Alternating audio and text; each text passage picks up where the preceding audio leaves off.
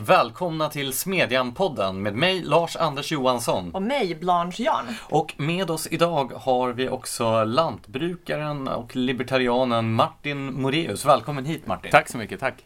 Ska vi börja med den här frågan då som alla alltid vill ha ett svar på när du dyker upp? Hur jag är släkt med Kalle Moreus? Ja. ja. Eller om jag är släkt med Kalle Moreus kanske? Är du släkt med Kalle Moreus? Ja, det är jag. Ja. Hur, hur nära? Inte jättenära. Han, han och min pappa är kusiner. Spelar du fiol? Nej. Nej. Bra, då när vi har rätt ut den saken så um, går vi vidare till den väldigt öppna och allmänna frågan. Och då kan du ju bortse just från den här eh, aspekten om släktskap med Kalle Moreus. Vem är du? Ja, vart börjar man då? Eh, jag gjorde värnplikten i Falun. Det är en bra start. Ja, 99. Det var sista året innan de la ner det regementet. Före det så pluggade jag gymnasiet i Forsmark på ett internatgymnasium där, läste energiteknik. Eh, fråga mig inte hur jag hamnade där, men slumpen ledde mig dit. Och efter det så gick jag på KTH och skaffade en examen, civilingenjörsexamen. Och nu är du? Nu är jag sen, ja, sen 2004 lantbrukare. Hemma på den gård där jag är en bonde säger att man är uppfödd någonstans. Uppväxt heter det kanske när man pratar om människor. Jag tror man brukar säga det. Mm. Så vad är det för typ av bonde? Vad producerar du? Eh, vi har mjölkkor på gården, men det är i farsans regi och sen kan man väl säga att jag sköter växtodlingen då. Och det är väl, för att vara ärlig, inte i jättestor omfattning jämfört med liksom hur medelgården i Sverige. Men ungefär 90 hektar åkermark har vi. Hur översätter man det till fotbollsplaner? Ja, just det. Hur stor är en fotbollsplan då? Lars Anders kollar ju på fotboll. Mm. Ja, det kan ju faktiskt variera i storlek. De, det finns ett spann över hur breda de kan vara. Men hektar, det är tusen... Hundra gånger hundra är ja. en hektar. Så det är 10 000, 10 000 kvadratmeter. kvadratmeter. Ja. Och jag har 90 sådana rutor då. Och eh, du är även förtroendevald inom LRF. Ja, Lantbrukarnas riksförbund. Där har jag varit engagerad i LRF Dalarna som är en av våra regionala organisationer då, sedan tio år tillbaks. Och sedan ett och ett halvt år knappt sitter jag i riksförbundsstyrelsen.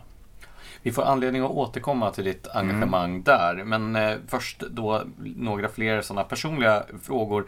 Har du eller har haft något politiskt engagemang? Partipolitiskt till exempel? Nej, det har jag aldrig eh, liksom trillat in på. Eh, jag vet inte varför egentligen. Eh, kanske för att jag aldrig har fått frågan. Eh, men numera, i och med de här uppdragen jag har, så är det väl bra att inte vara för förknippad med ett politiskt parti kanske. Jag tror även det kan vara bra för ens mentala hälsa ibland. Ja, sen ligger det väl kanske inte riktigt i linje med vare sig vad jag vill ägna min tid åt och mm, kommer man från det frihetliga hållet så kan det ju finnas då kanske man tycker att det finns andra sätt att engagera sig i samhället än via partipolitiken. Också. Vad har du för intressen om man då bortser från eh, lantbruket? Ja, det är ju just det. Eh, det blir inte så mycket tid över till, till intressen. Men mitt senaste intresse som jag faktiskt la lite tid på var ridning. Så jag gick eh, på Orsas ridskola en gång i veckan under ja, sex, sju års tid. Men jag fick lov att prioritera bort det också. Du känns ju inte som den typiska personen som går i en ridskola. Varför inte? För att du är över 15 och man.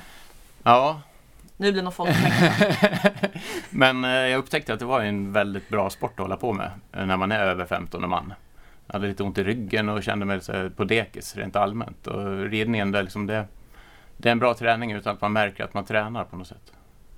Har du häst? Nej. Nej, alltså har man egen häst så tror jag det blir väldigt lite ridning och väldigt mycket eh, utfodring, utsläppning, mockning, eh, ringa till veterinären ringa till hovslagaren. Så det blir liksom inte tid över till att rida själv. Så det är mycket bättre att gå och låna en häst en timme i veckan. Det påminner lite grann tycker jag när du beskriver det om att ha en segelbåt. Mm. Jag tror det är bättre att hyra en segelbåt om man vill segla mycket och måla lite kanske. Ja. Varför har ingen berättat det för mig tidigare? Du är ju som tydligt framgår då både av ditt släktskap med Kalle Moreus och eh, din särpräglade dialekt dalkar. Ja. Hur viktig är den här identiteten? Det är väl inget jag tänker på så mycket själv, men liksom om man gräver lite i det så är jag ju en... Jag är ganska rotad, tror jag, i det, var jag kommer ifrån. Eh, och både det att jag är från Dalarna men sen att man, eller jag kommer från en gård som har gått i släkten i åtminstone sedan 1850 gör ju att jag är en somewhere person eller vad det heter i, i, i den vokabulären. Jag, jag skulle nog vara ganska ointresserad av att driva en bondgård om det låg någon annanstans än om det var just min släktgård. Inte ens i Skånes bördiga jordbruksmarker. Nej, men där är det liksom ingen sport. Va? De säger ju att ska man lyckas i Skåne, det enda man måste tänka på det är att fylla i utsäde i såmaskinen. Gör man bara det så går det bra.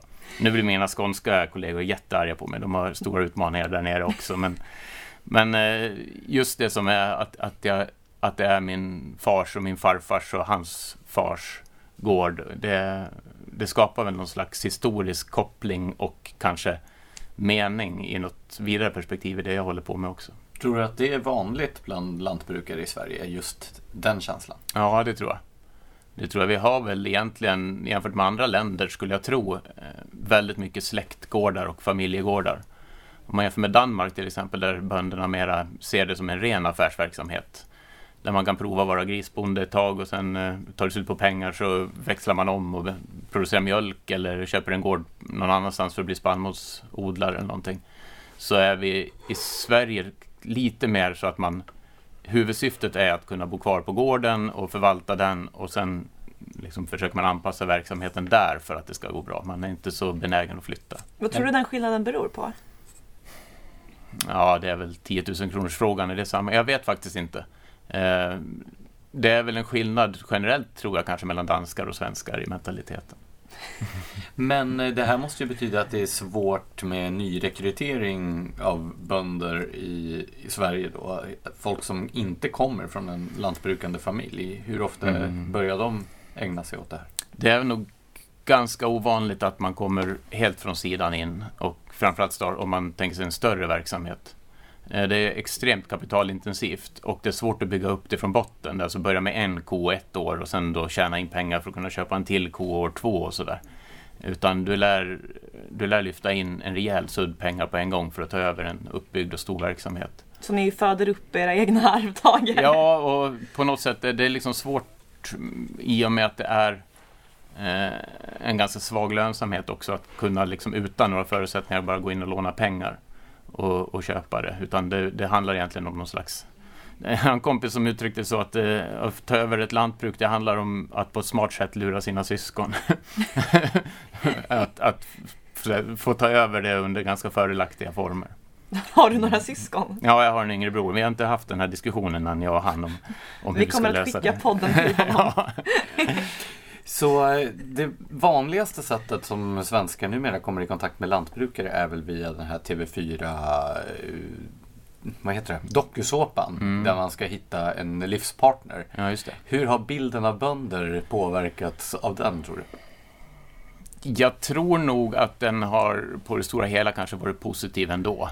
Eh, sen är det ju det är väl kanske mer någon slags fördomsbild om lantbrukare som har liksom, man har försökt att det, ja, profitera på egentligen i det. Då.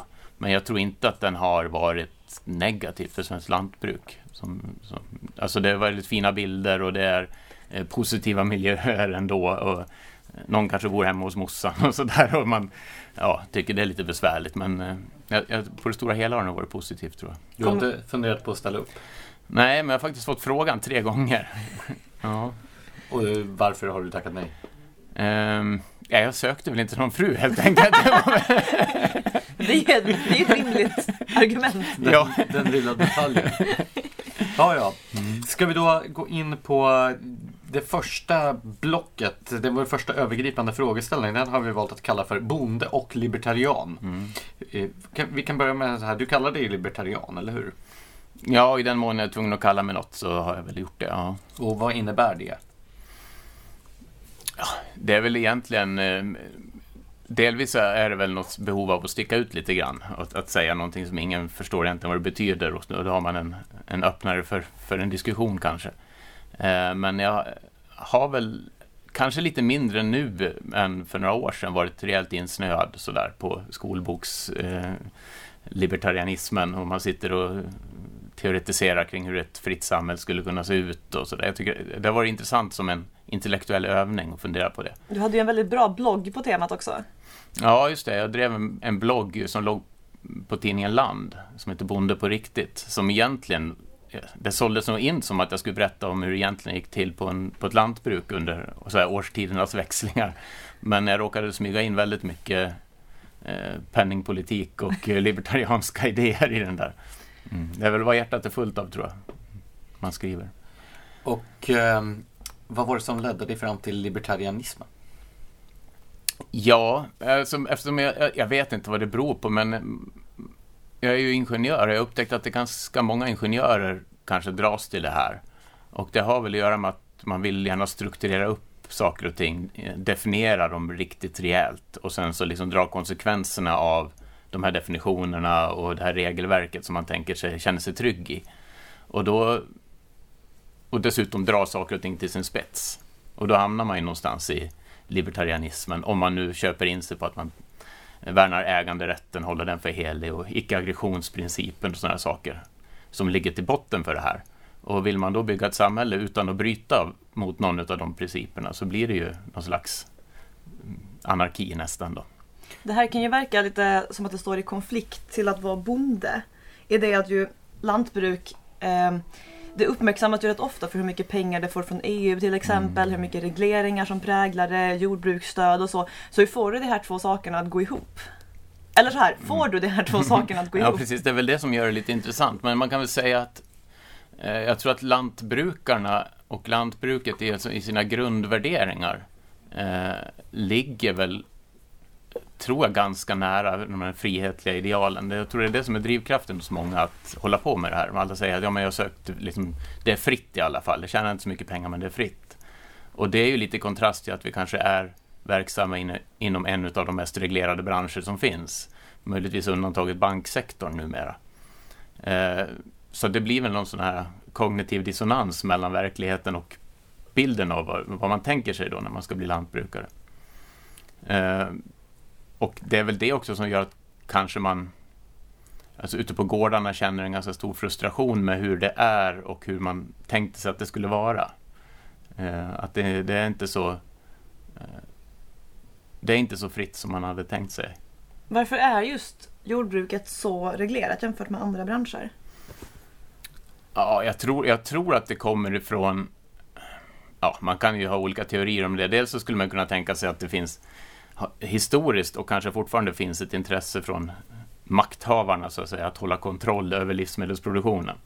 Att man, eh, det finns någon som har sagt att eh, en, en statskupp är bara tre dagar utan mat bort.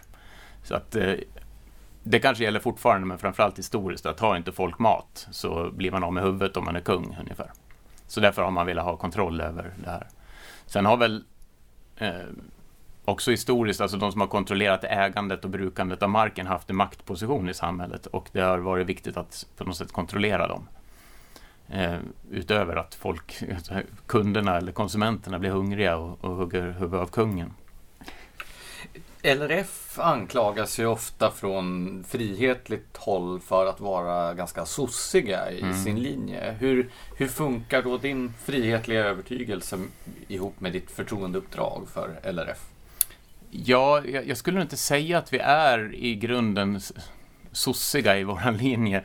Eh, sen om man från ett libertarianskt perspektiv är ju alla sossiga, eller hur?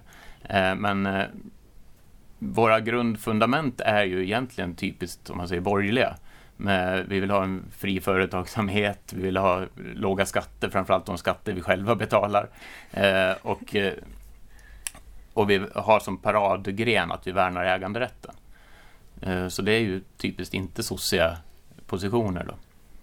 Ja, det är ju väldigt vanligt just att eh, då klassiska liberaler, libertarianer rasar mot jordbrukssubventioner. Mm. Det här verkar vara en, en hjärtefråga för många på den mm. frihetliga kanten.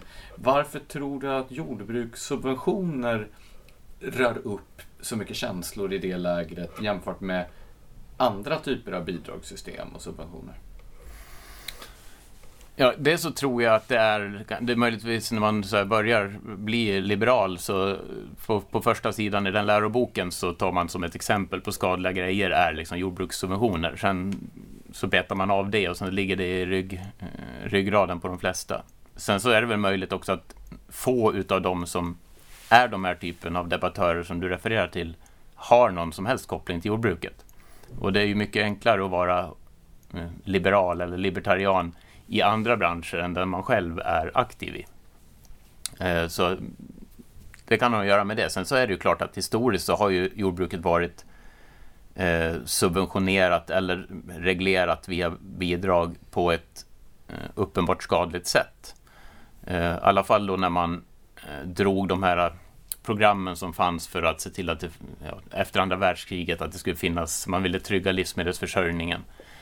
Man såg till att målet var att skapa en överproduktion så att man hade buffertar och lager. Och sen så när det där gick lite för bra, så att säga, teknikutvecklingen tillsammans med det här gjorde att man fick en enorm överproduktion och det fick ju skadliga effekter som man vad jag kommer ihåg från 80-90-talet var ju det egentligen där när man pratade om hur man skulle bli av med köttbergen och smörbergen och mjölkbergen och sådär. Och det insåg ju även eh, LRF att man hade nått vägs ände någonstans i slutet på 90-talet. Sen har man ju gjort om de här stödsystemen eller ersättningssystemen så att de styr mot lite andra saker. Skulle det gå att bedriva ett lönsamt jordbruk i Sverige utan subventioner? Ja, ja, eh, det beror ju på lite vad man om man tänker sig så här då. Om det inte fanns några jordbrukssubventioner någonstans i hela världen, skulle då det produceras mat eh, ungefär i den omfattning som det görs idag? Ja, antagligen. Det, det är liksom inte subventionerna som skapar produktionen, utan det är efterfrågan som gör det. Sen så skulle antagligen den produktionen se aningen annorlunda ut. Den skulle kanske ske liksom geografiskt lite annorlunda fördelat än vad det gör idag också. Eh, en, eh, ett syfte med EUs jordbrukspolitik är ju att se till att det eh, bedrivs eh, livsmedelsproduktion ja, där det är möjligt då egentligen i, så stora delar av EU som möjligt. Man vill väl inte få en koncentration av det till några få ställen av olika anledningar. Så ja, det skulle gå att bedriva jordbruk utan subventioner, men eh, det skulle vara oerhört svårt att göra det i Sverige i allt annat lika, så det är som en del av EUs frihandelsområde med, med fri konkurrens med andra lantbrukare från EU som har som då antagligen skulle ha kvar de här subventionerna. En annan vinkel på den här problematiken är ju det att det finns väldigt många som sagt regleringar som präglar jordbruket och att har man så många regleringar så måste man kompensera genom att subventionera. Mm. Så skulle det funka att ha ett lönsamt jordbruk utan, om man tog bort subventionerna men också regleringarna. Eller skulle det sänka den svenska konkurrenskraften så mycket? Ja, vi, vi har ju EU-gemensamma regleringar att följa som en sån slags bas. Men sen så är det ju fritt fram att bygga på eh, de systemen i varje land. Då. Och Sverige har ju varit inom citationstecken duktiga på att plocka på lite mer regleringar. Eh, sen den, den, stora frågan där är liksom, vi har ju ändå ett mervärde för de svenska produkterna. De är ju dyrare i butiken än de importerade. Hur mycket av det mervärdet kommer ifrån att folk eh, tycker att de här regleringarna är värda att betala för? Om vi tog bort regleringarna, skulle vi, våra varor vara helt utbytbara mot en dansk fläskfilé eller en tysk fläskfilé då? Eh, eller är det bara det faktum att det är svenskt som skapar mervärdet, att man vill köpa något som är producerat i det egna landet och man struntar i eh, hårdare regler och sånt. Det, det, vet jag faktiskt inte, men den analys vi har gjort hittills är väl att de regleringar som vi har som skapar merkostnader skulle antagligen eh, kosta mer att plocka bort i form av för, minskat förtroende hos konsument.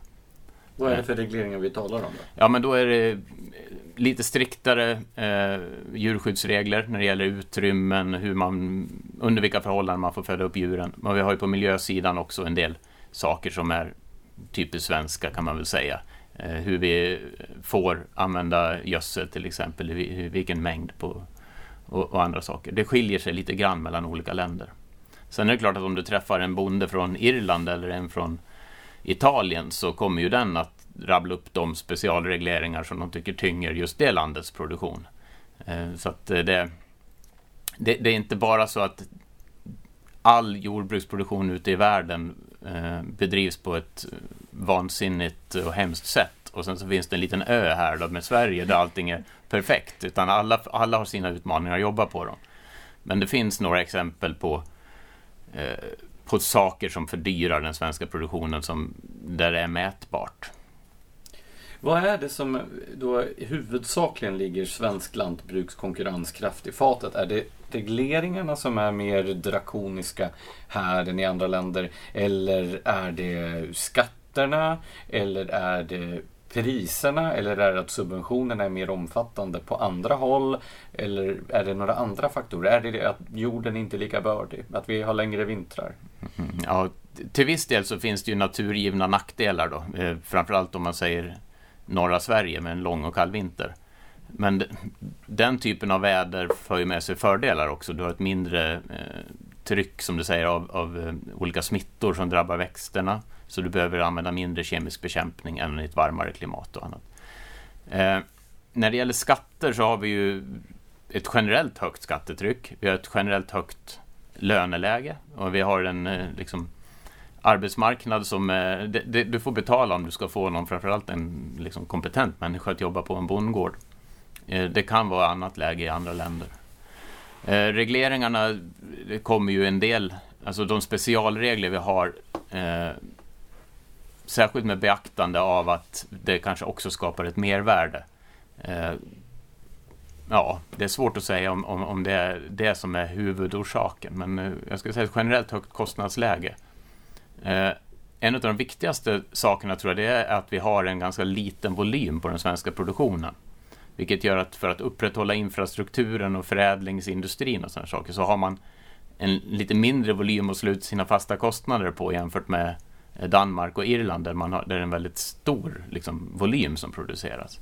Så det är också en, en nackdel. Så för att stärka konkurrenskraften i svenskt lantbruk så skulle man ju behöva få upp volymen.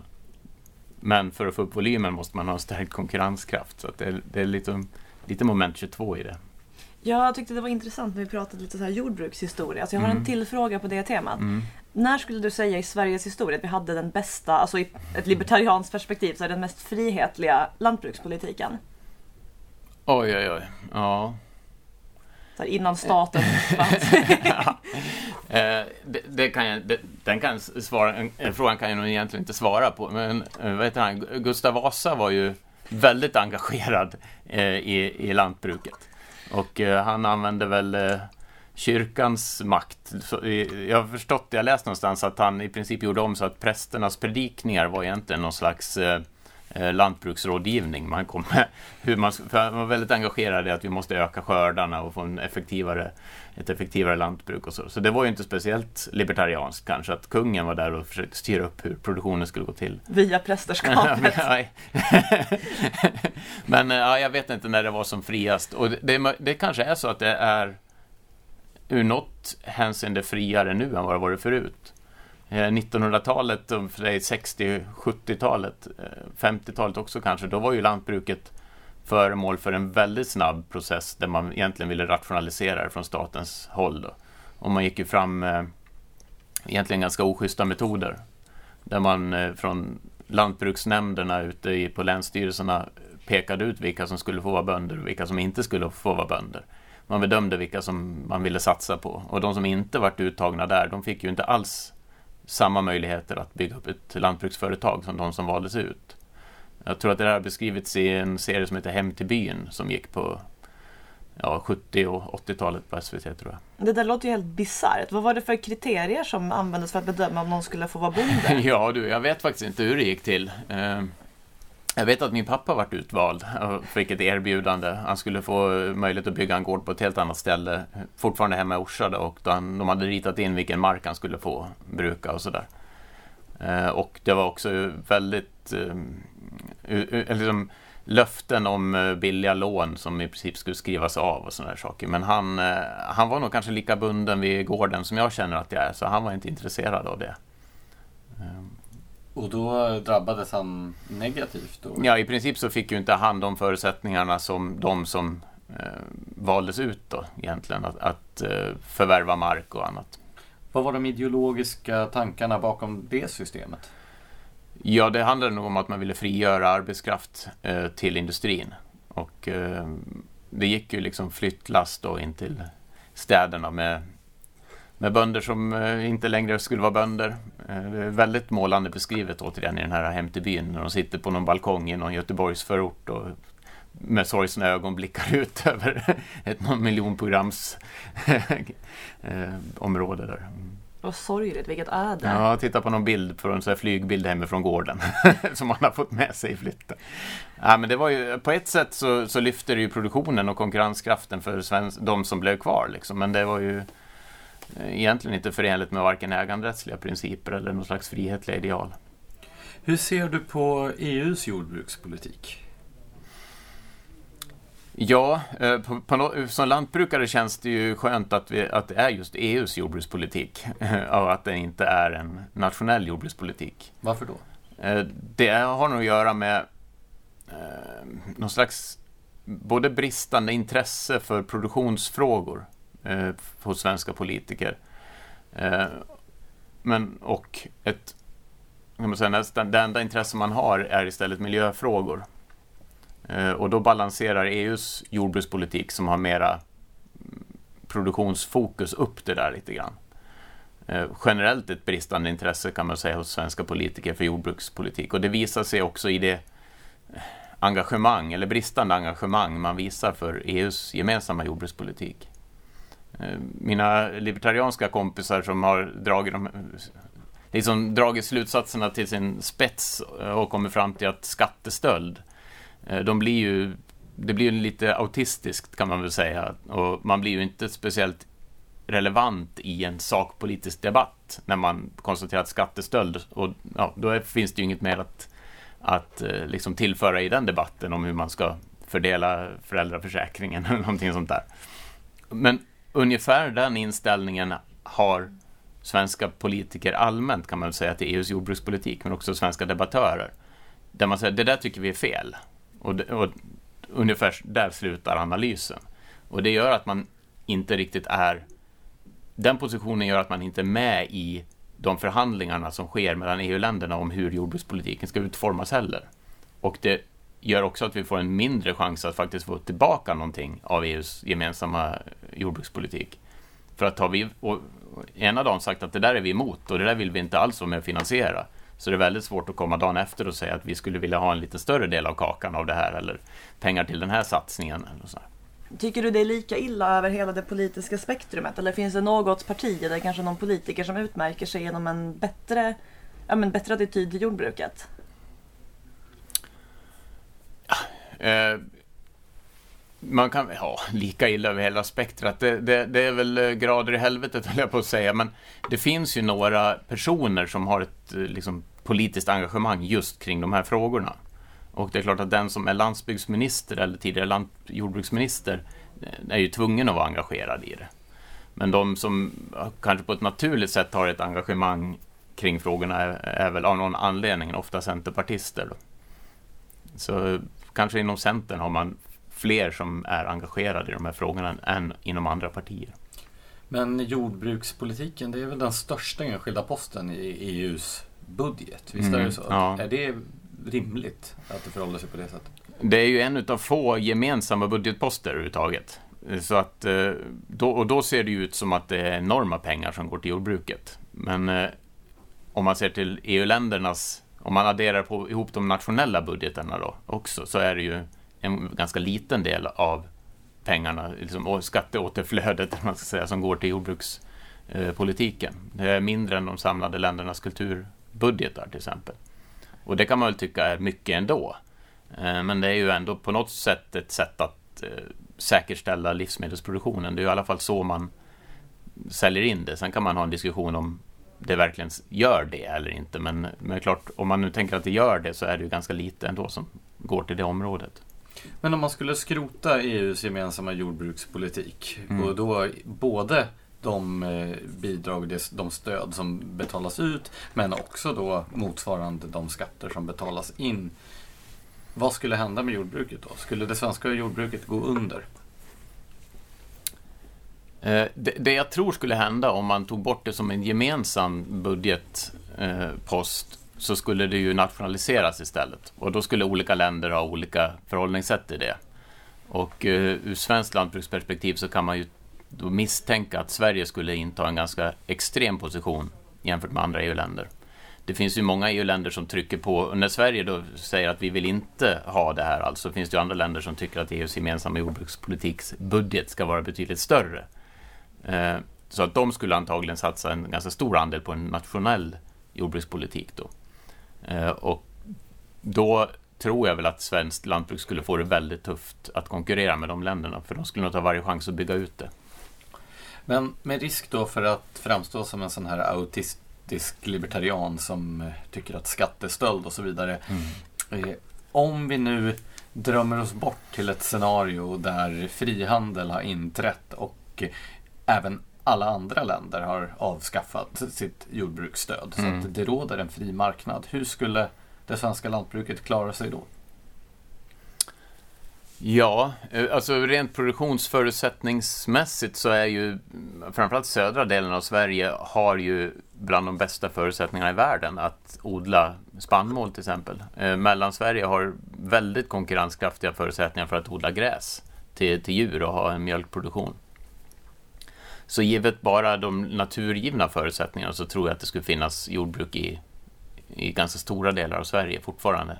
Om man nu leker med tanken att inget annat land höll på och försökte störa marknaden på något sätt.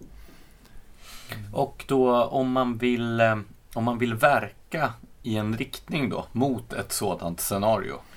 Mm. Vad ska man driva för, för jag får ju intrycket här att du som libertariansk bonde är drabbad av ett slags Stockholmssyndrom. där du då är fast i ett omfattande politiskt system och om man skulle avskaffa det i Sverige eller i EU så skulle förutsättningarna bli så ojämna att konkurrenssituationen blir helt snedvriden. Mm. Men hur ska man börja då? Vad är det rimliga sättet att förverkliga ett, en frihetlig livsmedelsproduktion? Ja, eh, hur ska man göra det? Jag tror inte det går, faktiskt, på kort sikt. Eh, för jag tänker att i sådana fall får man ju att sitta på läktaren och vara sur, som Sverige gör, det har ju visat sig att det fungerar inte. Och då ska man då istället engagera sig i att försöka eh, övertyga andra länder om att det är en dålig idé att ha en gemensam jordbrukspolitik. Eh, det tror jag inte de andra EU-länderna och framförallt inte de tunga EU-länderna e nu när eh, Storbritannien är på väg att lämna till exempel som, som ju har haft en lite mer svensk syn på det kanske. Mm. Så förutsättningarna att reformera eh, jordbrukspolitiken har, har väl liksom blivit sämre i och med Brexit. Så att jag tror att, att det på lång, ja, man får ju försöka övertyga dem om att det här är fel att ha. Och jag vet inte om man kommer att lyckas med det. Så Nya Zeeland brukar ju framhävas mm. som ett frihetligt föredöme mm. vad gäller sin jordbrukspolitik. Är de det? Och vad är det då de har gjort? Som jag förstår historien där så höll väl Nya Zeeland på att gå i konkurs. Så man, hade inte, man fick helt enkelt stryka en massa utgiftsposter och då strök man eh, jordbrukssubventionerna också. Och eh, vad jag vet så har de eh, de kanske då inte heller har väldigt mycket regleringar kring det Eh, hur produktionen får gå till. Och sen har de extremt bra förutsättningar för, för produktionen i, i största allmänhet, alltså naturgivna förutsättningar. Men de kan ju inte, till skillnad från om man tänker sig att man producerar mobiltelefoner, så skulle man ju i princip kunna tänka sig att producera all världens mobiltelefoner i den mest effektiva fabriken och göra det. Men jordbruksproduktion kan inte gå till på det sättet. Vi behöver använda stora delar av klotet. Eh, dels för att det liksom behövs större areal än vad som finns i, på ett ställe. Och sen nu någon slags riskspridningsperspektiv också. Var, eh, I och med att det kan bli torka som vi har visat sig i sommar så är det ju tur att inte all världens livsmedel produceras i, i Norden och norra Europa. Då hade det blivit någon slags global världssvält. Nu finns det något ställe på jorden där det har regnat i alla fall. Så ur riskspridningsperspektiv så tror jag det är bra att det finns i hela världen. Just det här med torkan i sommar är ju en sån grej som vi ville komma in på. Mm. Det har ju varit ett rekordvarmt år och dessutom väldigt mycket torka vilket ju inte är de bästa förutsättningarna för jordbruket. Så till att börja med, har du själv drabbats av bränderna eller torkan? Eh, bränderna har vi klarat oss med blotta förskräckelsen. Eh, det har ju brunnit eh, både i Älvdalen och i trakterna kring i Ljusdal som är ja, på bägge sidorna av norra Orsa kan man väl säga. Men vi klarar oss med blotta förskräckelsen. Eh, på gården så är ju skörden kan man säga avsevärt sämre än vad den brukar vara. Sen så finns det de ställen som är betydligt hårdare drabbade, drabbade än vad jag är i, i Dalarna. Då. I princip kan man säga ju längre söderut man kommer ju besvärligare är det. Så Skåne är hårt drabbade, eh, delar av Östergötland eh, och som vanligt när det är torrt så är det Öland och Gotland. De har ju torrt en vanlig sommar. Där är det också riktigt, riktigt dåligt. Och vad innebär det här konkret då för de lantbruksföretag som har drabbats? Ja, det innebär ju att man inte har fått ihop det foder som man... Har man djur då och producerar sitt eget foder så har du inte fått ihop tillräckligt mycket foder så att det ska räcka över vintern. Någon beskrev det som att, eh, tänk dig att du bor helt avskilt från omvärlden. Eh, du har fem barn och sen så på, på hösten så kollar du att du har mat till två av barnen. Och du kan inte gå någonstans och köpa mer mat. Det är ungefär den situationen som flera av de som har djur befinner sig i. Så man gör, gör, väl allt man kan för att försöka reglera det, både liksom försöka minska djurantalet då, eh, och eventuellt köpa annat foder någonstans ifrån. Men det är väldigt svårt att få tag på eftersom torkan inte är lokal utan egentligen har drabbat hela norra Europa. Då. Och det finns då jättelånga slaktköer, alltså mm. djur som väntar på att bli slaktade mm. nu i princip i hela landet. Vad, vad innebär det då för de som, som inte kan slakta djuren som de inte har foder till? Det låter ju jättekomplicerat. Eh, de eh, kompisar jag har som är engagerade inom slakterinäringen, de tycker inte om att vi använder ordet slaktkö för att de tycker att det, det på något sätt signalerar att det är kapacitetsbrist i slakterierna. Men så är det inte. Det går att slakta fler djur där rent utnyttjandemässigt. Men eh, det måste finnas någon som köper köttet på andra sidan också. Så att med den efterfrågan som finns nu, den volym som efterfrågas just nu är mindre än den volym som skulle behöva eh, komma ut på marknaden. Så det, det är väl, och vad det innebär är att möjligheten att minska djurantalet för att anpassa Eh, det antalet till den mängd foder man har är lite begränsat. Eh, I alla fall just nu och fram till årsskiftet åtminstone. Det finns ju två tänkbara lösningar på det här som dyker upp i mitt huvud i alla fall direkt. Det första skulle ju vara att helt enkelt på en marknad sänka priserna på kött för att då öka efterfrågan. Det andra är ju det här som har debatterats en del eh, den gångna sommaren, nämligen matnationalism. Alltså mm. att man ska försöka få svenska konsumenter att köpa mer svenskt kött. Vad tycker du om de båda lösningarna? Ja, det, alltså det, det kan väl bli så om det nu visar sig att att vi behöver slakta en väldigt stor volym under vintern. Vi vet ju inte riktigt nu än hur det kommer att gå. Eh, att, eh, att det blir någon form av utbudschock och att priserna eh, kan åka ner lite grann. Och det är ju klart att det är väl ett sätt att lösa det, men det är ju inte en lösning som jag som livsmedelsproducerande bonde tycker är den bästa. Eh, så därför så har vi ju kampanjat ganska rejält ända sedan midsommar egentligen om att, att eh, just kring det här som du säger, matnationalismen att eh, man kan köpa svenskt kött. Och det är svenska befolkningen, svenska konsumenter väldigt duktig på.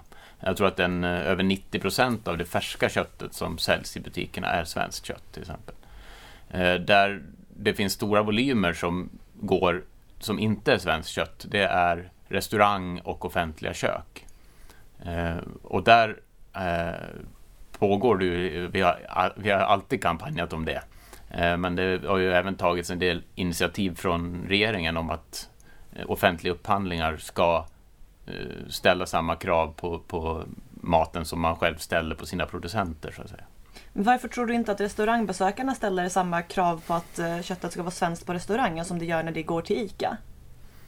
Jag tror att det är, har att göra med vilken stämning man är i när man är på restaurang mot för när man går och handlar kanske. Men eh, man, man, har ju, man köper ju, där köper du ju en matupplevelse och när du går och handlar så köper du en matbit liksom. Och, eh, Eh, en råvara och då tror jag det är enklare att man bör titta på ursprunget där. Och sen så är det många som vill fråga men man tycker att det kanske skulle kunna bli lite pinsam stämning i förhållande till, till den som serverar om, om han inte kan svara på var det är ifrån eller om det är hur gör jag nu om man säger att det inte är från Sverige? Ska jag resa med och gå då eller hur ska jag göra? Men vi som är engagerade i LRF och inom lantbruket, vi frågar alltid var köttet kommer ifrån. Fast är det inte också så att eh, det handlar lite om vad man menar med restaurang i det här mm. sammanhanget också? För när vi säger restaurang då tänker vi ju på vita dukar och ja. en meny och servitörer som kommer fram till bordet.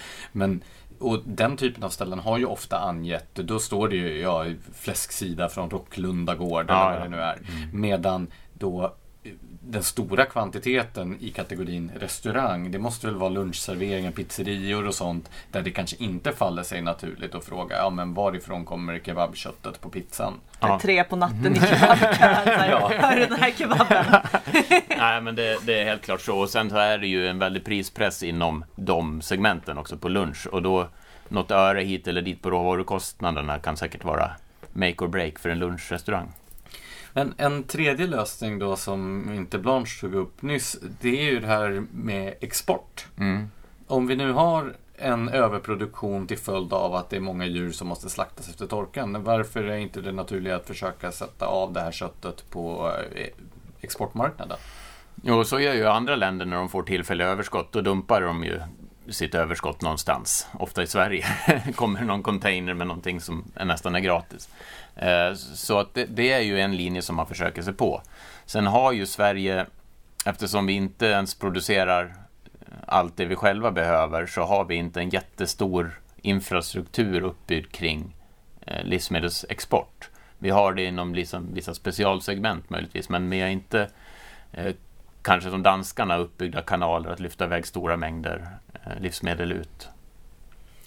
Men eh, en eh, lantbrukare som jag talade med tyckte att eh, vi borde utnyttja kontakterna med Kina och Japan bättre. Mm. Att det där tydligen finns en stor efterfrågan som då inte möts i dagsläget. Mm. Och kungen och kejsaren är väl ganska goda mm. kompisar. De skulle kunna knyta exportkontakter. Vad tror du om en sådan lösning? Ja, men om man jämför Sveriges exportsatsningar till Kina jämfört med till exempel Danmark så har det ju varit eh, misskött kan man väl säga. Eh, det är ju inte bara att komma in i Kina. Du bör ju skicka dit Jan-Ove Wallner och kungen och några till och sen se till att få alla papper påskrivna och sånt där. Och där har Sverige haft en väldigt dålig representation. Men eh, kejsardömet då? Japan? Ja, det är möjligt att Japan skulle funka. Eh, jag vet inte hur lätt det är att komma in i, i Japan. Jag vet inte hur stor den marknaden är heller för svenska produkter. Eh, när det gäller Kina vet jag inte. Vi har ju försökt sälja in det, det svenska djurskyddet och djurväl, djurvälfärden där. Och de det verkar inte som att de riktigt är där, om man säger. De undrar varför man bryr sig om det när djuren ändå ska slås ihjäl och ätas upp. Fast är det inte i Japan man ger sina kor whisky och ger dem massage? Ja, just det. Sådana här KB-biffar. Jodå. Eh, så det är kanske en tuff marknad att slå sig in på med, med svenskt kött. Jag vet inte. Men vad är, vad är då det grundläggande problemet om vi bortser från de specifika länderna med att eh, exportera överskottsköttet? Varför är Sverige så dåligt på, på detta? Ja, men historiskt har vi, man kan säga att vi har inte haft behov av att exportera någonting, för vi har kunnat sälja det på vår hemmamarknad. Och ofta är hemmamarknaden eh, mer lönsam än exportmarknaden. Eh, det verkar vara många som tror att exporten då ska, vara, ska lyfta den svenska produktionen. Att vi ska göra exportsatsningar och att det ska leda till en stärkt konkurrenskraft för svenskt lantbruk. Men jag tror att det fungerar åt andra hållet man börjar med att vara konkurrenskraftig på hemmaplan så pass att man i princip försörjer sin hemmamarknad. Sen så säljer man överskottet på export. Eh, så att exporten är mer ett resultat av att man är konkurrenskraftig än någonting som ger konkurrenskraft, om du förstår vad jag menar. Låt oss återvända lite till det här med bränderna under mm. sommaren. Mm. Eh, för det har ju då inte bara drabbat liksom, djurhållningen utan även spannmålet och allt sånt här. Och det har diskuterats huruvida EU eller stater borde gå in med pengar och rädda det som har drabbats. Mm. Eh, du har ju skrivit en text eh, åt oss i Smedjan om mm. det här där du eh, menar att eh, det visserligen är en intressant teori att man skulle kunna eh, försäkra sin mark privat men att det inte skulle funka i praktiken. Varför mm. skulle det inte funka? Det skulle, det skulle nog, alltså i, i alla fall i teorin fungera att ha en skördeförsäkring som betalades ut vid sådana här år. Eh, och det har funnits sådana skördeskadesystem tidigare som har blivit skrotade. Och jag tror att det har att göra med att det är väldigt svårt att bedöma om när, när ska det här betalas ut eller inte. Eh, väder är väldigt lokalt. Eh, en bonde på, på ett ställe kan ha haft väldigt torrt och sen har en annan bonde inte så långt därifrån fått regn. Eh, vem utav de här ska få pengarna? Hur vet man att den här dåliga skörden som den här bonden har fått är ett resultat av faktorer som han eller hon inte kan påverka själv? Och hur mycket ett resultat av att man själv valde att ta en veckas semester istället för att vara hemma och så i rätt tid. Eh, Det kanske finns någon landstingsnämnd någonstans som, som vet det här. ja, men jag, jag, tror att det kan komma sådana försäkringar. Jag vet, jag vet, att det finns aktörer som har sådana på gång i och med ny satellitteknik och väldigt högupplösta väderdata kan faktiskt säga att har det inte regnat mer än 100 mm på just din gård under de här tre månaderna så faller pengar ut och det kan man veta väldigt exakt. Så jag tror att det kan komma sådana försäkringar. Jag tror att det behöver komma sådana försäkringar.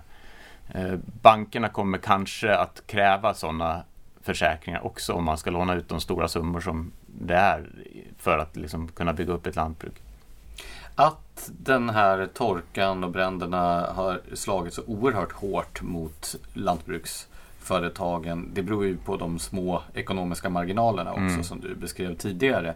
Vad skulle krävas ja, på politisk väg för att eh, lantbruket skulle ha större marginaler och då också kunna klara kriser av det här slaget bättre framöver?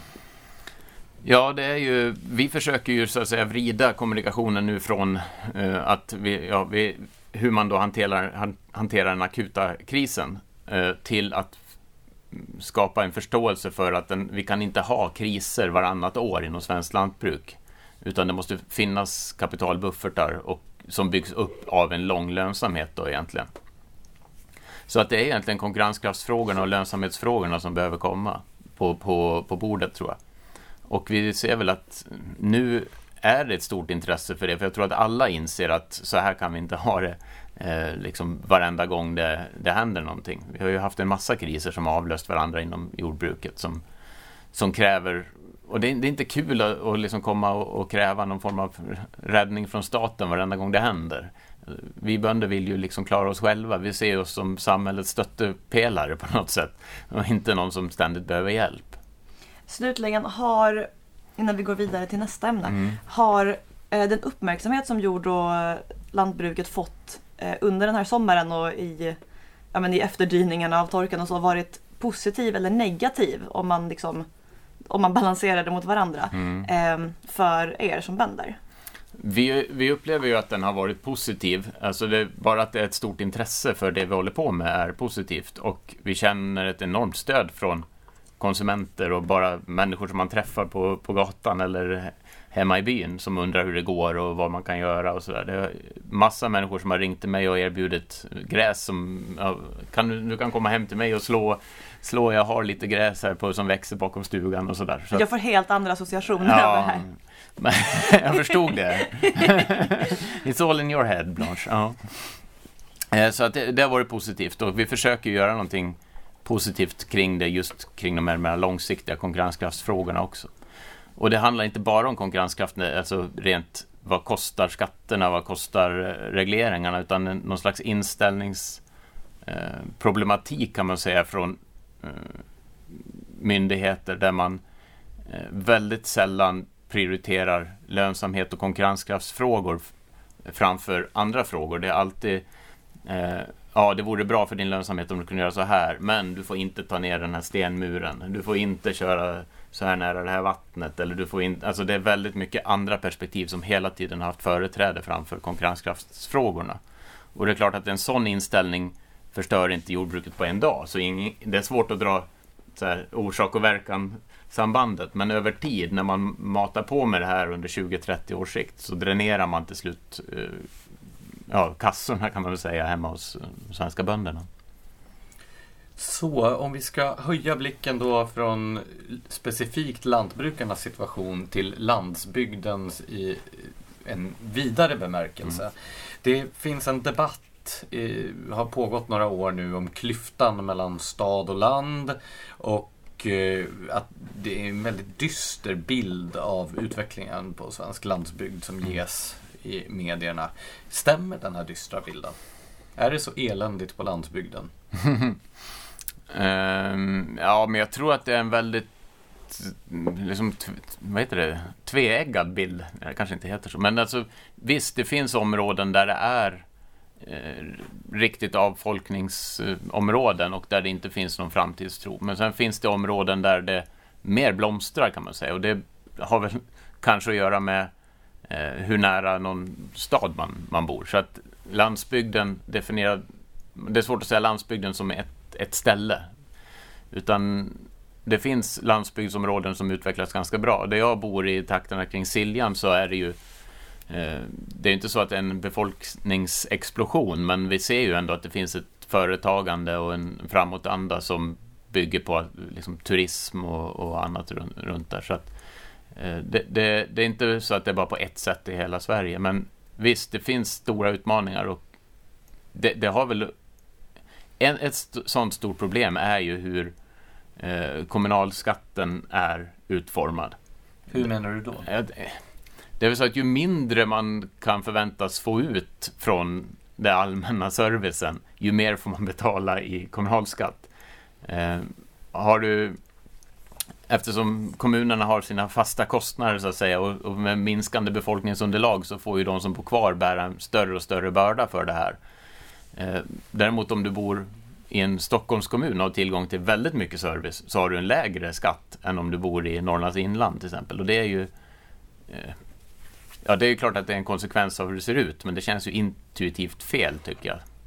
Alltså just det här med bristande samhällsservice tas ju Mm. ofta upp som en drivkraft bakom avfolkningen. Men samtidigt när jag hör dig tala om din bondgård och ditt land så låter Mm. det som att det finns ju förmodligen fler än du där ute som det skulle behöva gå väldigt, väldigt långt för innan ni var beredda att lämna ert land. Mm. Så jag undrar lite, hur långt kan avfolkningen egentligen gå om det bara handlar om att samhällsservice och så försvinner?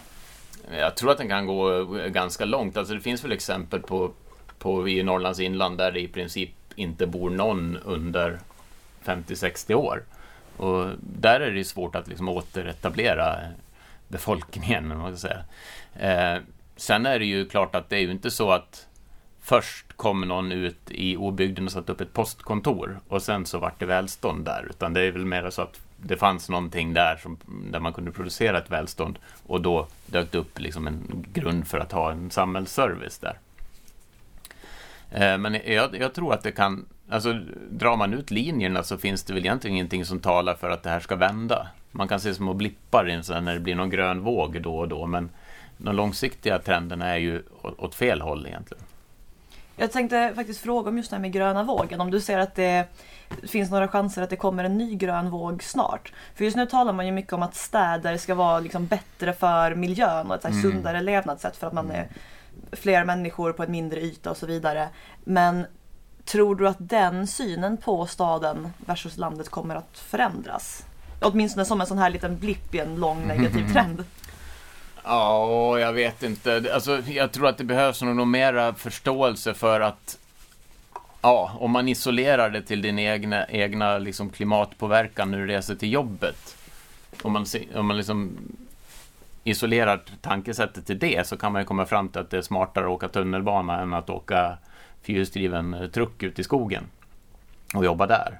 Men det behövs ju någon som är där och producerar mat och brukar skog och också. Så att, för att liksom samhället som helhet ska fungera. Så jag, jag, jag vänder mig lite mot det här att man plockar ur någon enskild företeelse och drar en massa långtgående slutsatser utifrån det. Att ja, det vore bra om fler bodde, bodde i städerna.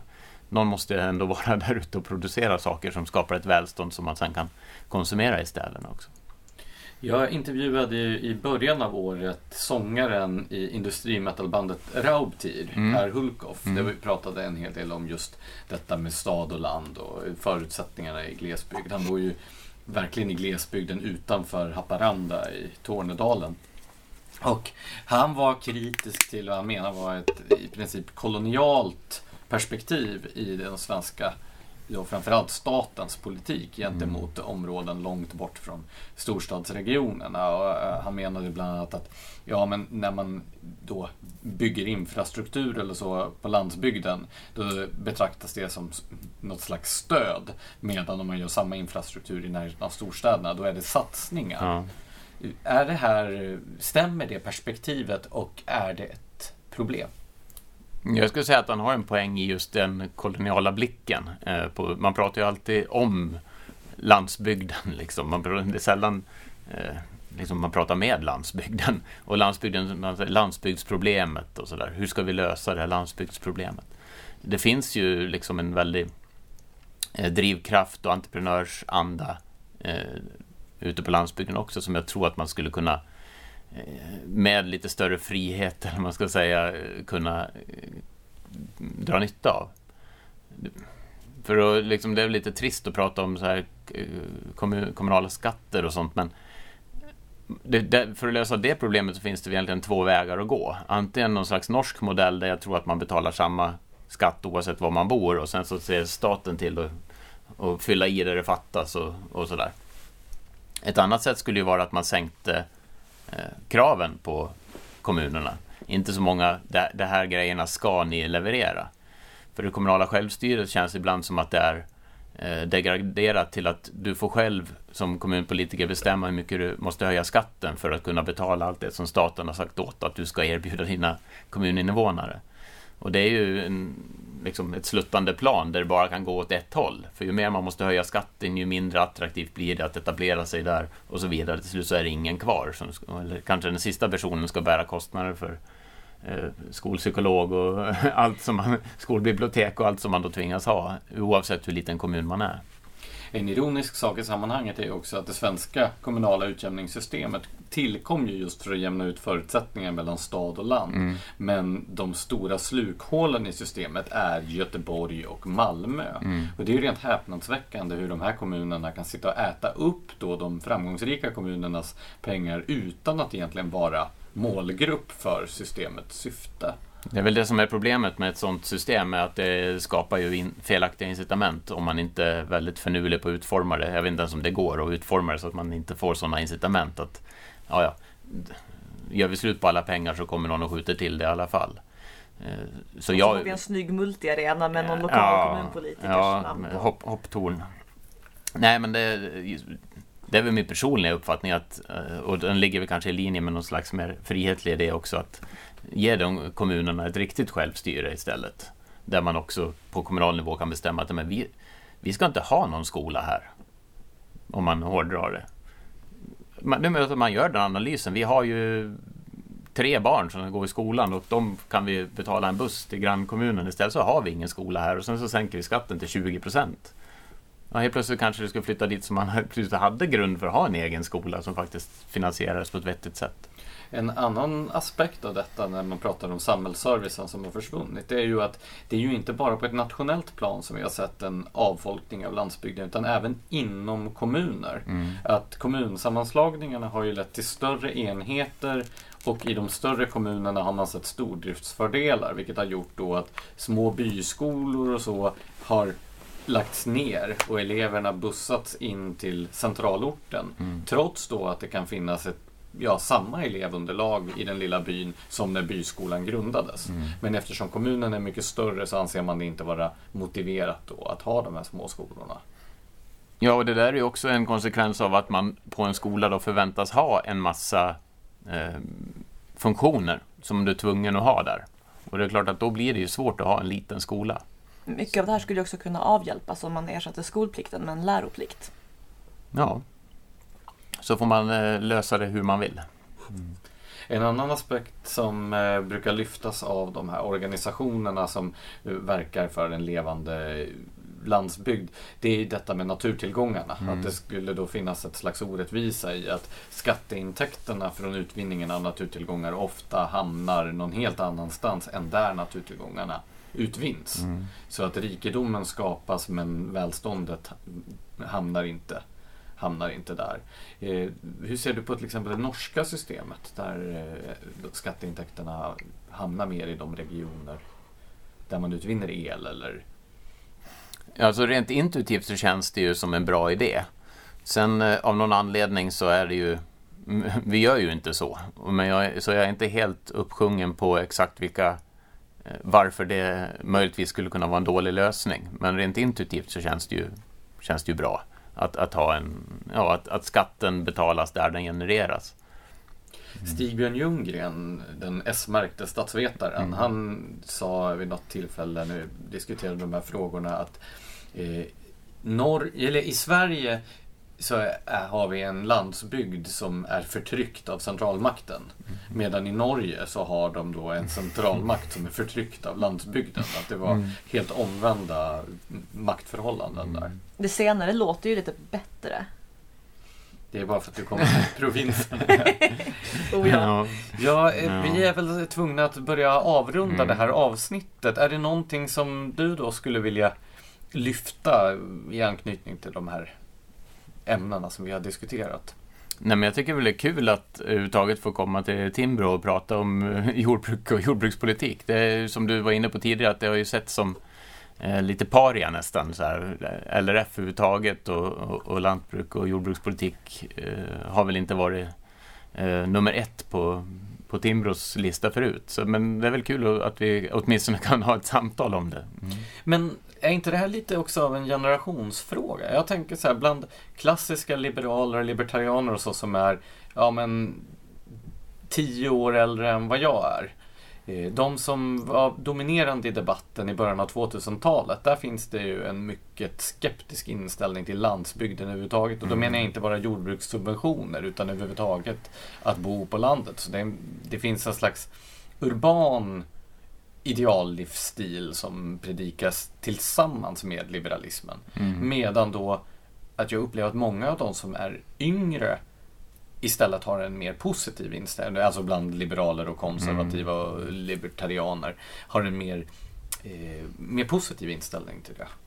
Ja, det, det har väl liksom vuxit fram någon slags, vad som man kallar dem för, hobbit-libertarianer. Man vill bo i fylke och odla sin egen trädgård. Man ser det som en, som en frihetsyttring, att man odlar sin egen mat. Och det, med det så kommer ett intresse för både landsbygden och för livsmedelsproduktionen.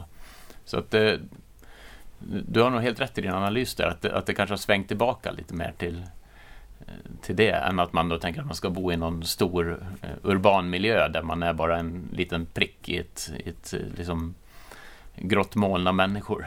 Det är så jag känner mig på tunnelbanan varje morgon. Ja. Varför tror du att det här skiftet kommer nu?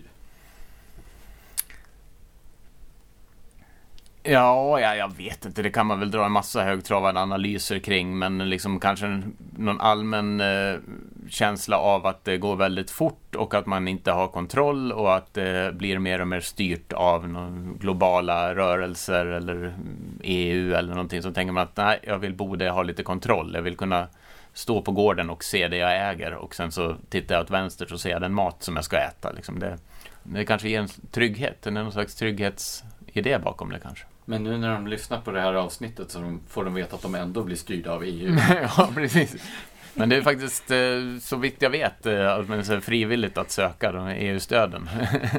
Okej, innan det här blir alldeles för mörkt, mm. låt oss gå vidare till vår obligatoriska dödsmetallfråga som vi utsätter alla våra ja. deltagare. Ja, det var ju någon deltagare. Vi, vi, frågade inte Isak Skogstad om detta för vi tänkte att han kanske inte var så intresserad av dödsmetall. Och då fick vi kritik just mm. för att vi inte, så därför så känner vi oss tvungna nu. Lyssnar du på dödsmetall Martin? Jag måste erkänna att jag inte gör det. Men nu har vi i alla fall demonstrerat vår fördomsfrihet här. Ja, att, ni, att jag överhuvudtaget får frågan. Ja men mm. precis. Mm. Så eh, var ställer du dig då i konflikten mellan Dismember och Amon Amart? Då, jag har en stark preferens för Dismember. Är det för att du har lärt dig att Blanche har den ståndpunkten? Nej, jag bara drog till med något faktiskt. Ja, ja, bra. Nej, det, när vi talade med Hanif Bali så eh, han var ungefär lika, lika eh, intresserad av frågan som ja. du. Eh, han sa ju Amon Mart då bara för att Ivar Arpi hade sagt det. Mm. Men eh, vi har ju också ett annat återkommande inslag. Det är att vi brukar be våra gäster om ett boktips. Mm. Vad tycker du att Smedjan-poddens lyssnare ska läsa för bok? Ja, men det var väl det som på något sätt ledde in mig på uttaget bli intresserad av både liksom, nationalekonomiska frågor och även lite ideologiska frågor. Så läste jag Björn Wahlroos bok som heter Marknader och demokrati med någon undertitel som är Flykten från majoritetens tyranni eller något liknande. Eh, jag tyckte den var ehm, ja, men det var en bra introduktion på något sätt. Det var tillräckligt lättsmält för att man ska kunna liksom ta till sig det. Men också en språngbräda ut till att börja läsa Ayn Rand eller något liknande. Det känns ju som att det var libertarianen hos dig som talade nu. Jag väntade ju mig att Bonde-Martin skulle komma med en Vilhelm Moberg-tips. Ja, ja, men Vilhelm Moberg bör man väl läsa. Eh, om man får tag på en bok som heter Svensk jord och svensk bonde av en Dala författare som heter Carl Larsson, inte målaren, eh, så kan man läsa den. Den är från 1928. Där har ni två boktips i samma podd. Tack så hemskt mycket för att du kom hit Martin Moreus. Tack.